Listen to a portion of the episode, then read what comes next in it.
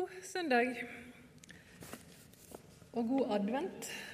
Eh, Kari Flyre heter jeg.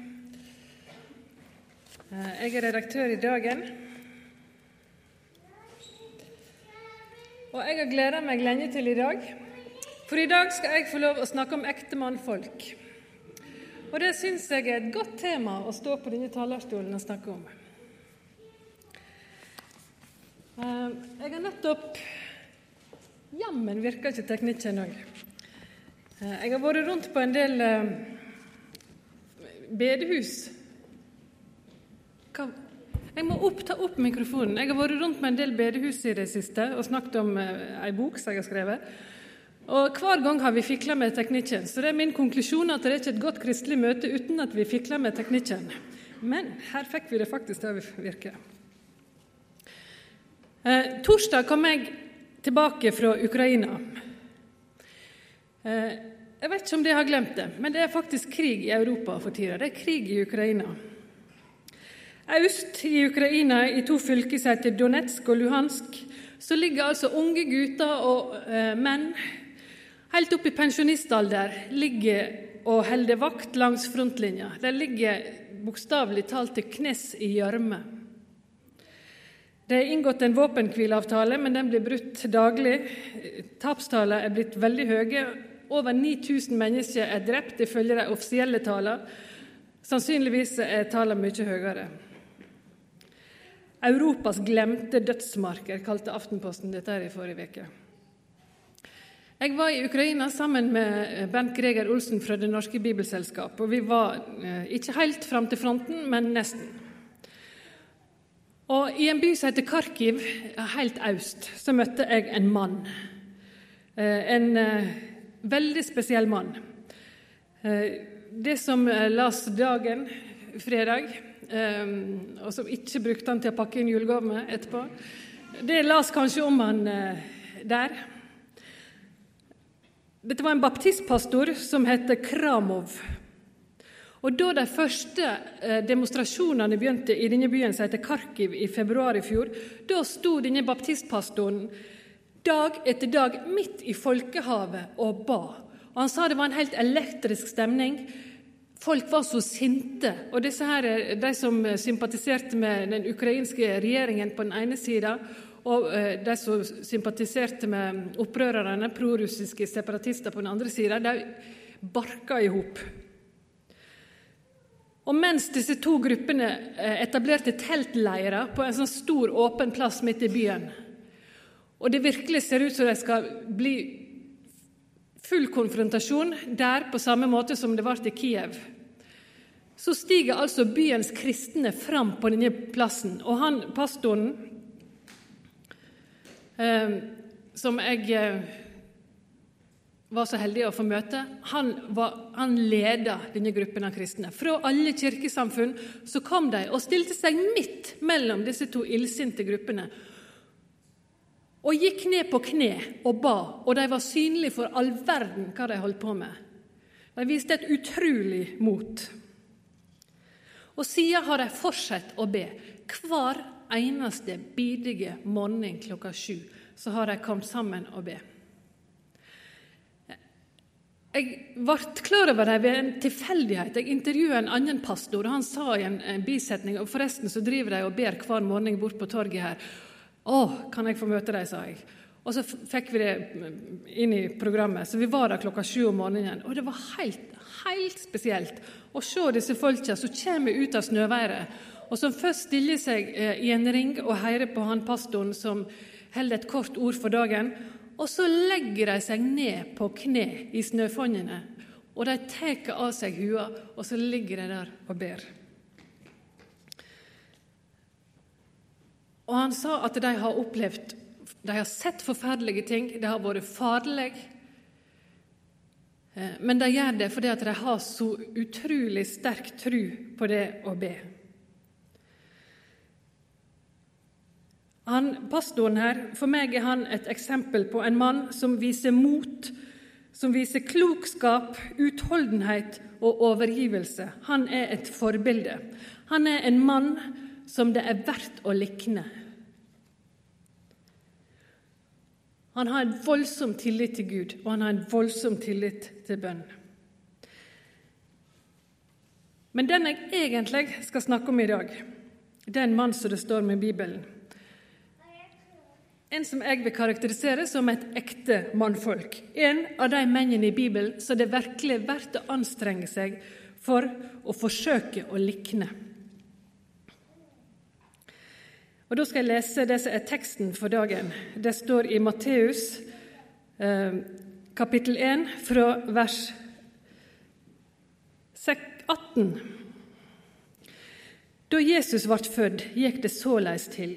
Mor hans, Maria, var lova bort til Josef, men før de kom sammen, viste det seg at hun var med barn ved Den hellige ande. Josef, mannen hennes, var en rettevis mann og ville ikke føre skam over henne. Han satte seg føre å skilje seg fra henne i det stille. Da han hadde tenkt ut dette, synte en engel fra Herren seg for han i en drøm og sa:" Josef, Davids sønn, vær ikke redd å ta Maria hjem til deg som kona di, for barnet som er avla i henne, er av Den hellige ande. Hun skal føde en sønn, og du skal gi han navnet Jesus, for han skal frelse folket sitt fra syndene deres. Alt dette hendte så det skulle oppfylles, det Herren har tala gjennom profeten. Sjå, Møya skal bli med barn og føde en sønn, og de skal gi han navnet Immanuel. Det tyder Gud med oss. Um,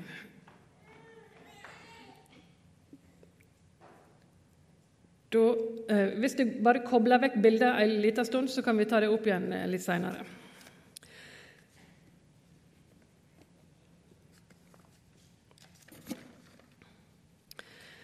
Eh, jeg tenker denne historien om eh, Josef og hvordan, altså begynnelsen på hvordan Jesus var til Vi har jo hørt den så mange ganger at kanskje har vi Kanskje ser ikke vi storheten i den lenger. Vi er så vant til å høre om engelen som kommer med båd, og mm, jomfrua som ble med barn, at vi Vi tenker at det var sånn det skulle være. Vi ser ikke hvor fantastisk dette her er, og hvor, hvor eh, overveldende det må ha vært for de menneskene som sto midt i det. Det kan ikke ha vært lett for han Josef, sånn som ting utvikla seg. Han er forlova med om Maria.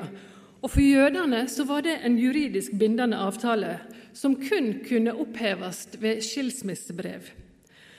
Eh, I forlovelsestida var det vanlig at den unge jenta fortsetter å bo hjemme hos foreldrene sine i et års tid, og så flytter hun hjem til mannen, og så begynner det ekteskapelige samlivet. Men i løpet av denne tida så er altså hun Maria blitt med barn. Og han Josef vet jo meget vel at det er ikke han som er faren. Så hva skal han gjøre? Fra hans synsvinkel så kan ikke det ha vært så mange forklaringer på hvordan dette her henger i hop. Han må ha trodd at hun har vært sammen med en annen mann, for hva skal ellers ha skjedd? Og det framstår som et svik. Han Josef må ha vært fryktelig skuffa. Og det livet han ser for seg, eller har sett for seg sammen med denne unge kvinna som var utvalgt til han, det er i ferd med å gå i vasken. Og det ville ikke være så rart hvis han var sint. Veldig mange som blir svikta av kjæresten sin, reagerer med sinne. Og veldig mange gjør og sier ting som de angrer på etterpå. For den som er såra, han vil fort komme til å såre andre. Men så ser vi altså med en gang at han Josef han er en som reagerer annerledes. Vi vet jo ikke om han hadde rekt å bli glad i denne jenta. Vi vet ikke Jeg vet iallfall ikke, som ikke har studert teologi. Jeg vet ikke om dette var et arrangert ekteskap eh, der de knapt hadde fått truffet hverandre på forhånd. Men måten han oppfører seg på, det kan tyde på at han handler ut fra kjærleik. Det kan tyde på at han Josef ikke er en mann som er mest opptatt av å pleie sine egne såra kjensler, men at han er en som er opptatt av å gjøre det rette. Og så blir han da også omtalt i teksten som en rettvis mann. Han Josef vil ikke føre skam over Maria. Han vil skille seg fra henne i det stille. Og det skal vi vite, at det å bli gravid utenfor ekteskapet på den tida var en svært alvorlig ting, som faktisk kunne straffes med døden. Men han Josef han viser barmhjertighet, overfor Maria, og han vil skille seg i det stille, i stedet for å kreve at hun skulle straffes, sånn som han eh, hadde rett til. Han setter omsynet til Maria fremst. Han gir avkallen på sin rett til hevn. Eh, han hadde kommet i et fryktelig vanskelig dilemma, og det står i teksten at han grunda på hva det var som var rett å gjøre. Og så har han funnet en løsning som han syns virker bra. Men før han kommer så langt at han får sett dette ut i livet, så griper Gud inn gjennom en engel som syner seg for han i en drøm.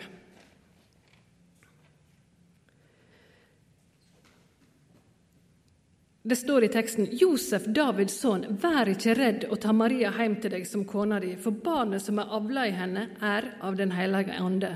Hun skal føde en sønn, og du skal gi ham navnet Jesus, for han skal frelse folket fra syndene deres. Vi som er oppvoksne med denne teksten, vi tenker at det var sånn det skulle være, men dette her er utrolig radikalt.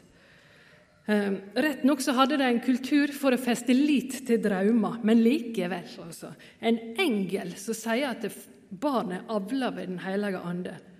For en overveldende opplevelse det må ha vært for tømmermannen Josef. Og hva i all verden skal han tro?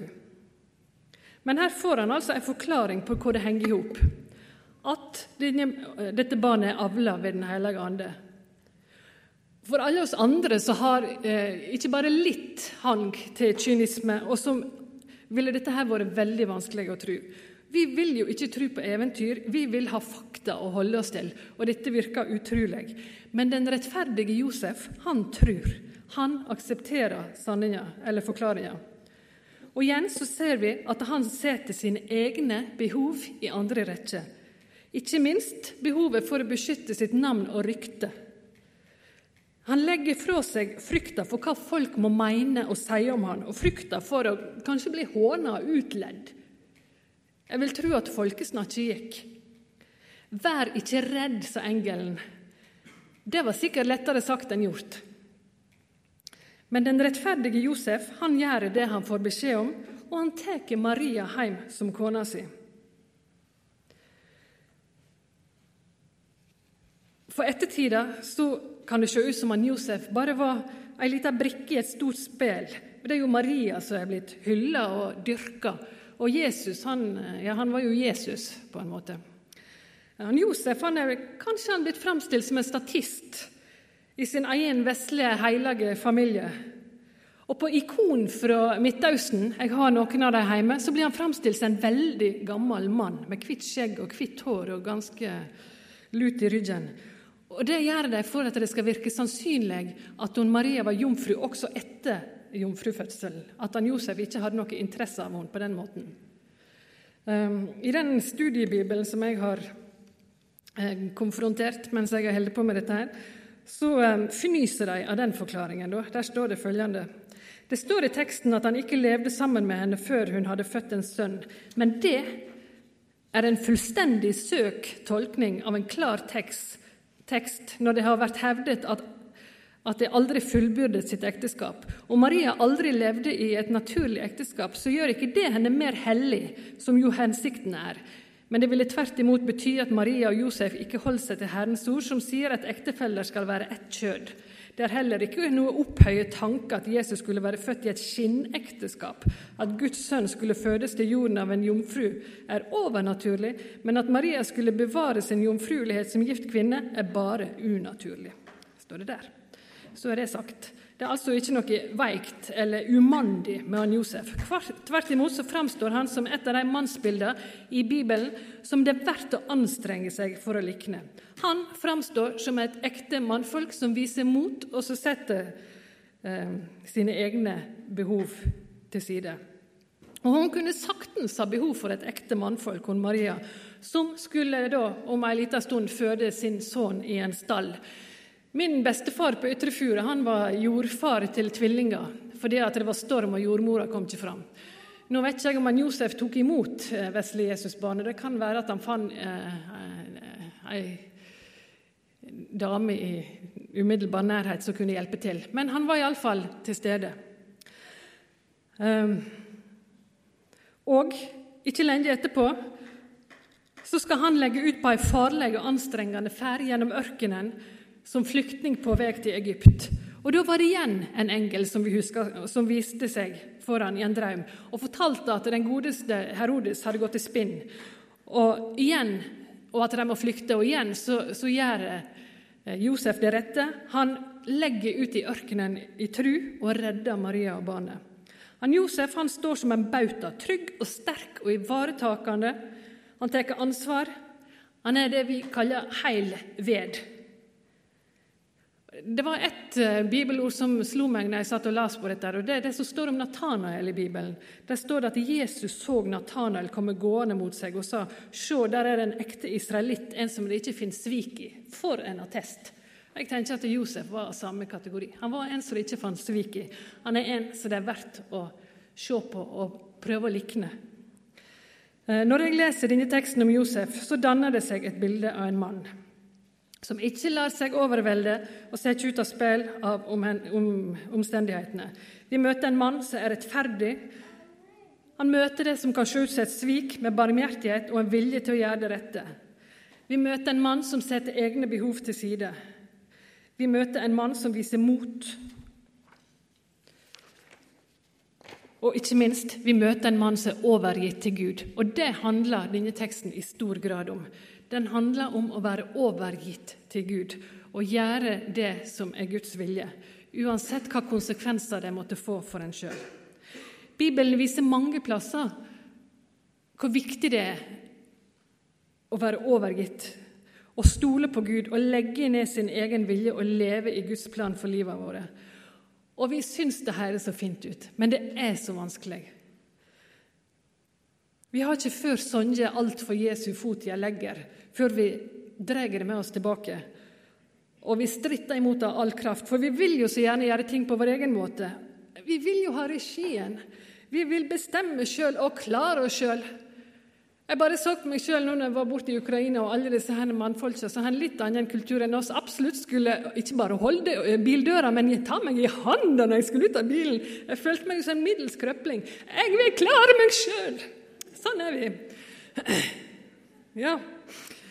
Eh, ikke bare når det gjelder å gå ut av biler, men på alle områder. Vi vil jo så gjerne klare oss sjøl og bestemme sjøl. Ikke kom her og fortell meg hva jeg skal gjøre. Eh, Galaterne 2, 19-20. Det, er et fantastisk vers, og det viser hvor vi skal. Der står det Jeg er korsfest med Kristus. Jeg lever ikke lenger sjøl, men Kristus lever i meg. Og det livet jeg nå lever som menneske av kjøtt og blod, det lever jeg i trua på Guds sønn, som elsker meg og ga seg sjøl for meg. Jeg lever ikke lenger sjøl, men Kristus lever i meg. Det var sånn det skulle være. Jeg skulle legge ned mitt eget. Jeg klarer ikke det. Kun ved Guds nåde så kan jeg nærmer meg, kanskje. Det er tiltrekkende vers, det er skumle og krevende vers. Men det som de forteller, det som han forteller han baptistpastoren, det er at når han legger ned sitt Altså Når han gjør det som han er kalt til, og når han går ut på det torget, når han legger seg på kne framfor disse to leirene med illsinte folk og ber om fred for landet sitt. Selv om han syns det er kjempeskummelt, og det er så skummelt at han egentlig har lyst til å stikke til skogs. Da skjer eh, vidunderlige ting. Da er det et utrolig vitnesbyrd for hele byen om, om Gud og om bønn og om fred. Det er når vi legger ned vårt eie at Kristus kan, og Kristus får leve i oss, og vi at vi får leve i Guds plan med livet vårt. Det er når vi sier 'ikke som jeg vil, men som du vil', at vidunderlige ting kan skje. Og det er ingen annen plass vi er så trygge, eller at vi får leve så rike liv som når vi legger ned livet vårt, når vi legger livet vårt i Guds hender, når vi gir oss over. Og Hvis det var noen som har skjønt dette, her, så må det jo være ekteparet Maria og Josef. De levde jo i overgivelse, begge to, som Bibelen forteller oss. For det var jo ikke bare han Josef som fikk besøk av en engel. Og Maria fikk, som vi vet òg. Jeg har lyst til å lese hele den uh, teksten til henne, men engelteksten teksten om henne. Men engelen sa til henne, Vær ikke redd, Maria, for du har funnet nåde hos Gud. Hør, du skal bli med barn og få en sønn, og du skal gi ham navnet Jesus. Han skal være stor og kalles sønn til den høgste. Herren Gud skal gi han kongestolen til David, far hans. Han skal være konge over Jakobs hus til evig tid, og det skal ikke være ende på kongedømmet hans. Maria sa til engelen, 'Hvordan skal dette gå til, når jeg ikke har vært sammen med noen mann?' Engelen svarer, 'Den hellige ande skal komme over deg, og krafta fra den høgste skal skygge over deg.'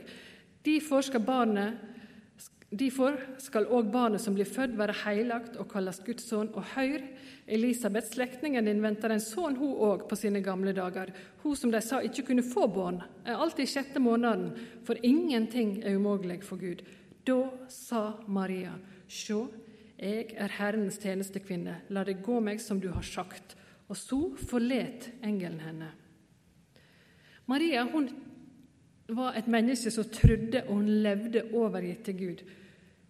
La det gå meg så det er sagt, sier han. Og Josef han var av samme kaliber. Han gjorde det som var sagt at han skulle gjøre. Jeg har lyst til, å, la dere bli kjent med en mann til. Da kan du koble på igjen bildene igjen.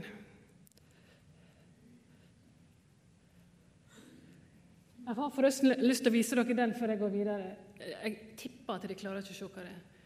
Men dette er altså de isoporplatene som de brukte der borte, som de knelte på. Og Hvis de ser hvor nedslitt de er etter alle disse morgenene med bønn han, Bernt Greger Olsen i Bibelselskapet fikk en sånn isoporplate, og han behandla den så det skulle vært skirt gull. For en ting å få med seg hjem. Eh, da, ja. Det bildet der eh, det viser ei grav i denne byen som heter Kharkiv i Ukraina. I april i fjor så var det fire unge menn som ble kidnappa fra ei gudstjeneste. De sa at akkurat som vi gjør nå, så kommer disse her eh, separatistene inn og peker ut fire unge menn, tar de med seg. Og de fikk aldri sett dem igjen i livet. Han som står der med svart jakke, han heter pastor Alexander. Eh, han fikk jeg intervju i fjor. Da var han på en, eh, sånn, et kirke, kirketoppmøte i Oslo med masse kirker fra eh, ukrainsk og russisk side som var samla i Oslo for å komme sammen på nøytral grunn og snakke sammen. I håp om at eh, det skulle virke forsonende og bidra til fred. Og Da fortalte han pastor Alexander historien sin. Han er tredje generasjons kristen og leder en menighet i en by som heter Slaviansk. Fram til 1985 var dette den eneste evangeliske kirka i regionen. Eh, og så, på 90-tallet, så brøt vekkelsen løs, og veldig mange ble kristne i denne delen i øst i Ukraina, der kommunismen har stått mye sterkere enn i Vest-Ukraina.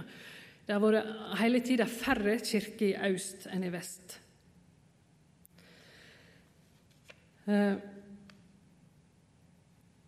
Og Dette var kontroversielt, men de fikk være i fred. Det var ingen som forsøkte å stanse dem. Ikke før dette opprøret begynte i fjor. Eh, da prorussiske separatister i fjor angrep Slaviansk, så valgte de denne byen som hovedkvarter. Og Da dukka gamle fordommer opp med full styrke.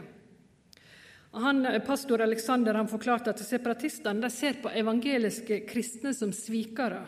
De anklager dem for å ha forlatt moderkirken, som er den russisk-ortodokse. Og de var veldig negativt til alt som kom fra Vesten. Noen ganger ser de på evangeliske kristne som spioner, forklarte han. Det var nok bare det å ha utenlandske telefonnummer på mobiltelefonen, eller å ha et stempel i passet som viser at du har vært på besøk i et vestlig land. Det kunne være nok til å bli mistenkeliggjort. Og han, eh, Pastor Alexander han tror dette her var grunnen til at hans familie kom i unåde. Skal vi se. Eh, søndag 8. juni i fjor da hadde de gudstjeneste. Da kommer disse her inn og tar med seg de fire ungdommene. To av dem var hans egne sønner, to av dem var diakoner i menigheten. Eh, Sjøl måtte pastoren forlate byen, for han fikk vite at de var på jakt etter Hånag. Grunnen til at de ikke tok han der og da i kirke, var sannsynligvis at de ikke visste hvem han var.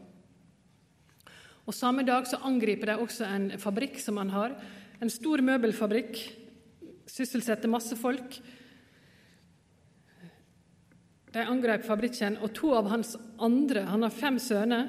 To ble kidnappa, to ble såra i det angrepet mot møbelfabrikken. Fabrikken ble brent ned til grunnen. De skjøt med sånne tanks mot fabrikken. Eh, han forlot Han klarte å komme seg ut av byen, og de begynte å ringe med en gang de kom på trygt område. Ringe og prøve å høre om noen visste hva som hadde skjedd med disse sønnene. Så viser det seg i ettertid at de har vært holdt fanga i et døgn. I løpet av det døgnet så ble de voldsomt torturert. Så ble de sluppet fri.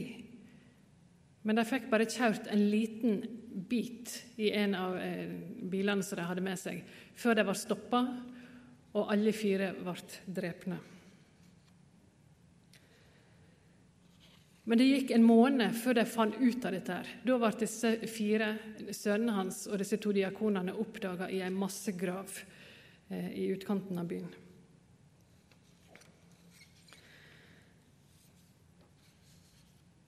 Um,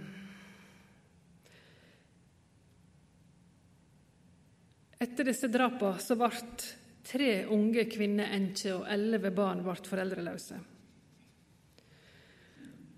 Og så, da jeg traff han pastoren i fjor, så spør jeg eh, hvor han henta styrke til å gå videre etter noe sånt. Hvordan klarte han å komme til Oslo bare tre måneder etter at noe sånt hadde skjedd? Og han smilte sånn uendelig sørgemodig, og så fortalte han at eh, min familie har lang erfaring med sorg og forfølgelse. De levde jo som kristne under sovjettida. For oss er det et tilbakelagt stadium. For de som lever de minnene veldig levende i dem fremdeles. Han sa at 'jeg er ikke den første som opplever noe sånt'. Og jeg er helt sikkert ikke den siste, sa han. Og minte om eh, det som Jesus sjøl hadde sagt, om at har de forfulgt meg, så skal de også forfølge dere. Men jeg tror at det, uansett hva som skjer oss her i livet, så er det en del av Guds plan for oss. Og Dessuten sa han, så tenker vi at det virkelige livet er faktisk ikke her på jorda, men det vi skal leve i evigheten. Og det kan vi godt ta med oss nå i julestria når vi kaver felt. Jeg kan godt ta det med meg sjøl. Det virkelige livet er ikke det vi lever her, men det vi skal leve i evigheten.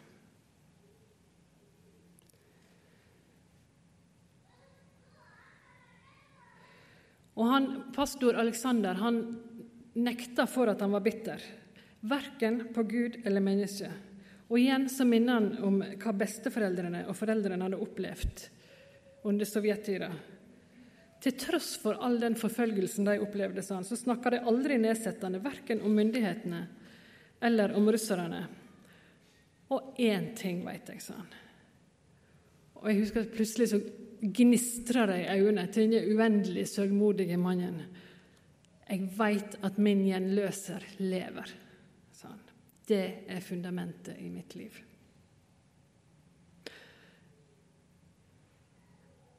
Jeg fikk møte han igjen der borte nå, og det var utrolig kjekt, for i fjor så han veldig medtatt ut. Nå står han som en bauta, han òg, midt i et voldsomt hjelpearbeid. Kirka hans er sterkere enn noen gang. De prøvde å knekke oss, han. De klarte det ikke. Og han snakker, han har et budskap om tilgivelse. Han kunne virkelig ha gitt seg over til bitterhet. Han kunne ha krevd hevn, og han fikk anledning til det. For det gikk en stund, og så kom det en telefon fra en person som sa at 'jeg var til stede da dine sønner ble drept'. Jeg var der. Jeg, det var ikke jeg som gjorde det, men jeg var til stede. Jeg så hva som skjedde, og det skal du vite. Nei, nå går jeg for fort fram i historien, for først var det sånn Altså, jeg veit hvem som gjorde det. Du kan fornavne meg hvis du betaler så og så mye. Men han, Alexander han sa at han ville ikke vite hvem som hadde gjort det. Han hadde ikke noe behov for det. Og Hensikten til han mannen var å gi han en mulighet for å ta hevn. Men han, pastor Alexander sa at han ville ikke ha hevn. Han ville ikke vite hvem som hadde drept dem. Ok, sa han her mannen som ringte. Men det skal du vite. Det var flotte sønner du har oppdratt. De ba, og de sang kristne sanger helt til det siste.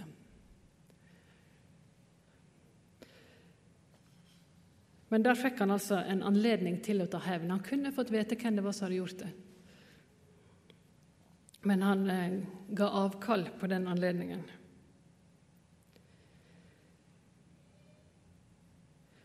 Og jeg tenker at det at den kirka fremdeles eh,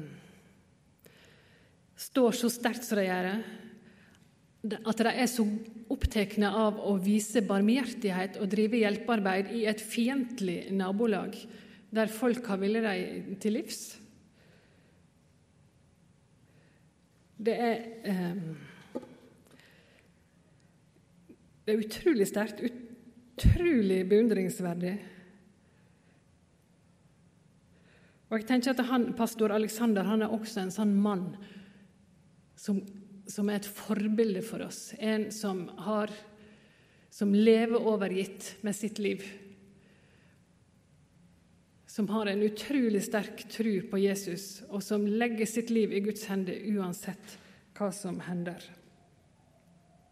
Jeg veit at min gjenløser lever, sier han. Og han har erfart at Gud gir kraft når han sjøl ikke har noen krefter.